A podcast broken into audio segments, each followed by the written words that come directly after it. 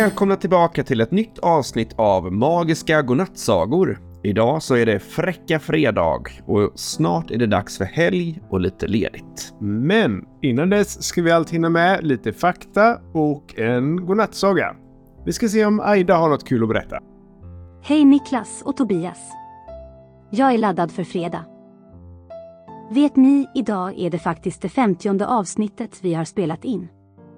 Det tänkte jag vi skulle fira, så ikväll, efter vi har spelat in så tänkte jag vi skulle ha disco här i studion. Jag tänkte köra igång mina blinkande lampor. Och så har jag lärt mig att göra diskorök. Oj, kul med lite disco! Och fräckt med 50 avsnitt. Tänk att ni har hjälpt oss med så många sagor. Och ni får gärna fortsätta skicka in ännu fler idéer till oss. Det gör ni genom att spela in ett röstmeddelande eller skriva till oss på vår hemsida www.magiskagodnattsagor.se. Man kan också skicka in sitt önskemål på våra sociala kanaler. Vi finns på Instagram och Facebook. Följ oss gärna där. Sök efter Magiska Godnattsagor så kommer ni hitta. 50 avsnitt. Tänk att vi fått lära oss fakta om 50 olika grejer då. Men jag har nog plats för ännu mer kunskap. Vi kollar med Aida om hon har mer fakta på gång. Hej Aida! Har du någon fakta till oss idag? Jajamensan. Idag blir det kladdigt, brunt och lite äckligt. Här kommer nämligen fakta om bajs.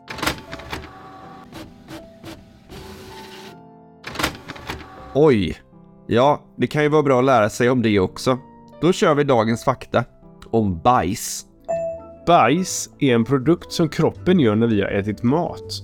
Det är en blandning av mat som inte tagits upp av kroppen och vatten. Bajs kan se olika ut beroende på vad man har ätit och hur mycket vatten man har druckit. Bajs innehåller bakterier som kan vara skadliga om de kommer in i kroppen. Det är därför viktigt att tvätta händerna noga efter att man har varit på toaletten. Bajs kan användas som gödning på fält och i trädgårdar. Det är ett bra sätt att återanvända resten av maten vi har ätit. Bajs kan faktiskt också användas som bränsle i vissa delar av världen. Nej, Niklas, nu får vi faktiskt sluta prata om bajs och ta oss till kvällens godnattsaga istället. Idag så är det sexåriga Kaelin som har skickat in ett önskemål till oss via Instagram. Eh, och på Instagram och Facebook kan ni också se fina bilder till alla avsnitt och lite annat kul. Följ oss där. Ni hittar oss alltså om ni söker på Magiska godnattsagor. Kaelin skrev till oss att hon ville ha en saga om en åsna som skulle säga tack. Men det enda som det blev var kvack. Kul idé! Ja, verkligen. Hej Aida! Eh, Kan du skriva ihop den här sagan om åsnan till Kaelin? Självklart så kan jag göra det. Här kommer sagan som Kelin har önskat. Tack Aida. Då kommer sagan Åsnan som bara kunde säga quack.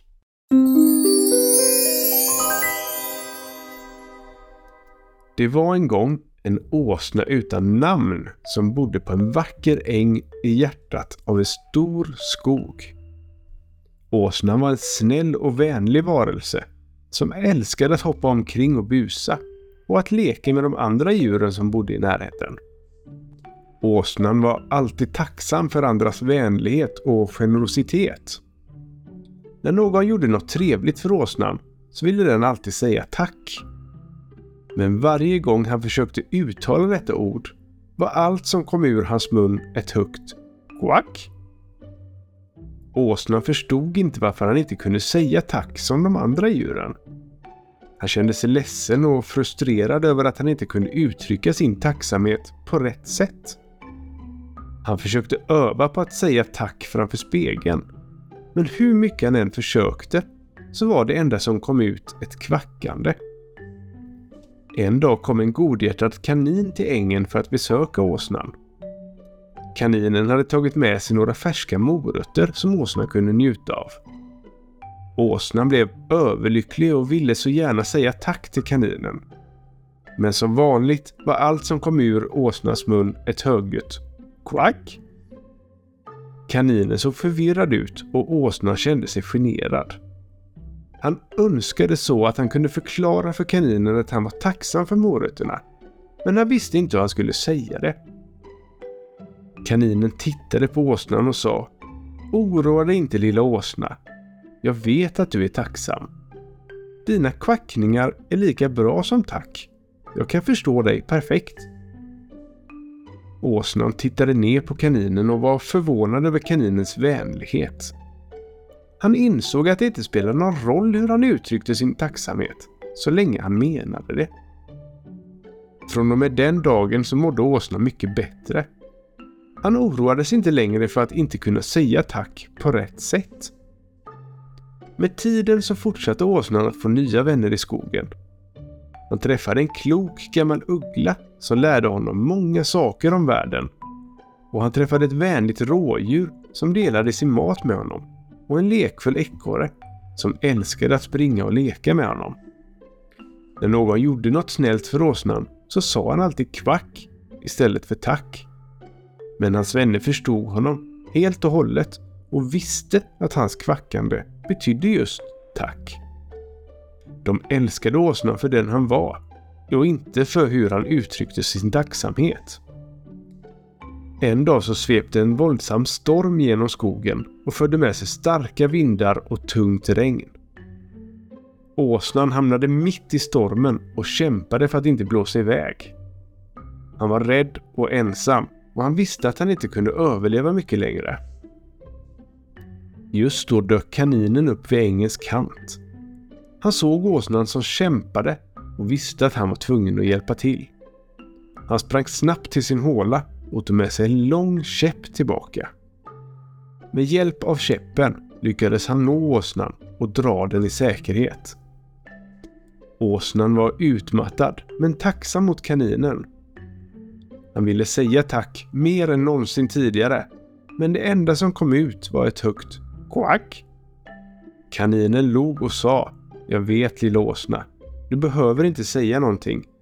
Jag kan se i dina ögon hur tacksam du är. Åsnan kände en varm känsla i sitt hjärta. Han visste att kaninen förstod honom och han var tacksam för hans vänskap. Han insåg att handlingar ibland talar mer än ord och att uttrycka tacksamhet är mer än att bara säga tack. En dag kom en grupp unga djur till dammen för att träffa åsnan. De hade hört talas om hans rykte och ville träffa honom. Åsnan blev glad att se dem och välkomnade dem till ängen. De unga djuren var förvånade över åsnans förmåga att uttrycka tacksamhet på sitt eget unika sätt. De insåg att det inte spelade någon roll hur man uttryckte sin tacksamhet, så länge man menade det. De unga djuren bestämde sig för att lära sig av åsnans exempel och började uttrycka tacksamhet på sitt eget unika sätt. Några av dem sjöng sånger, andra gav kramar och några log helt enkelt och nickade med huvudet. Åsnan var glad över att se att hans exempel hade inspirerat de unga djuren. Han kände sig stolt över sig själv för att han kunde lära dem något viktigt om livet. Allt eftersom åren gick blev åsnan gammal och hans kropp började försvagas. Han visste att hans tid i skogen var snart slut och han ville ta farväl av sina vänner. Ett efter ett kom djuren för att besöka honom och alla uttryckte sin tacksamhet på sitt egna unika sätt. Den kloka gamla ugglan läste en dikt som han hade skrivit för åsnan. Det vänliga rådjuret gav honom lite av det sötaste gräset han kunde hitta och den lekfulla ekorren sprang runt ängen och hoppade och lekte för att hedra åsnan. Åsnan blev överväldigad av deras vänlighet och visste att han hade gjort en stor skillnad i deras liv. När han låg på sin säng, omgiven av sina vänner, så slöt han ögonen och log. Han var tacksam för den kärlek och vänlighet som hade visats honom genom åren och han visste att hans kvackande hade hörts och förståtts. Till slut så somnade åsnan in, omgiven av sina vänner. Hans arv levde vidare i skogen och hans exempel fortsatte att inspirera generationer av kommande unga djur. Och så blev den namnlösa åsnan, som inte kunde säga tack, en legend i skogen. En symbol för en tacksamhet och vänlighet. Och en påminnelse om att ibland kan de viktigaste sakerna i livet inte uttryckas i ord, utan i handlingar och känslor.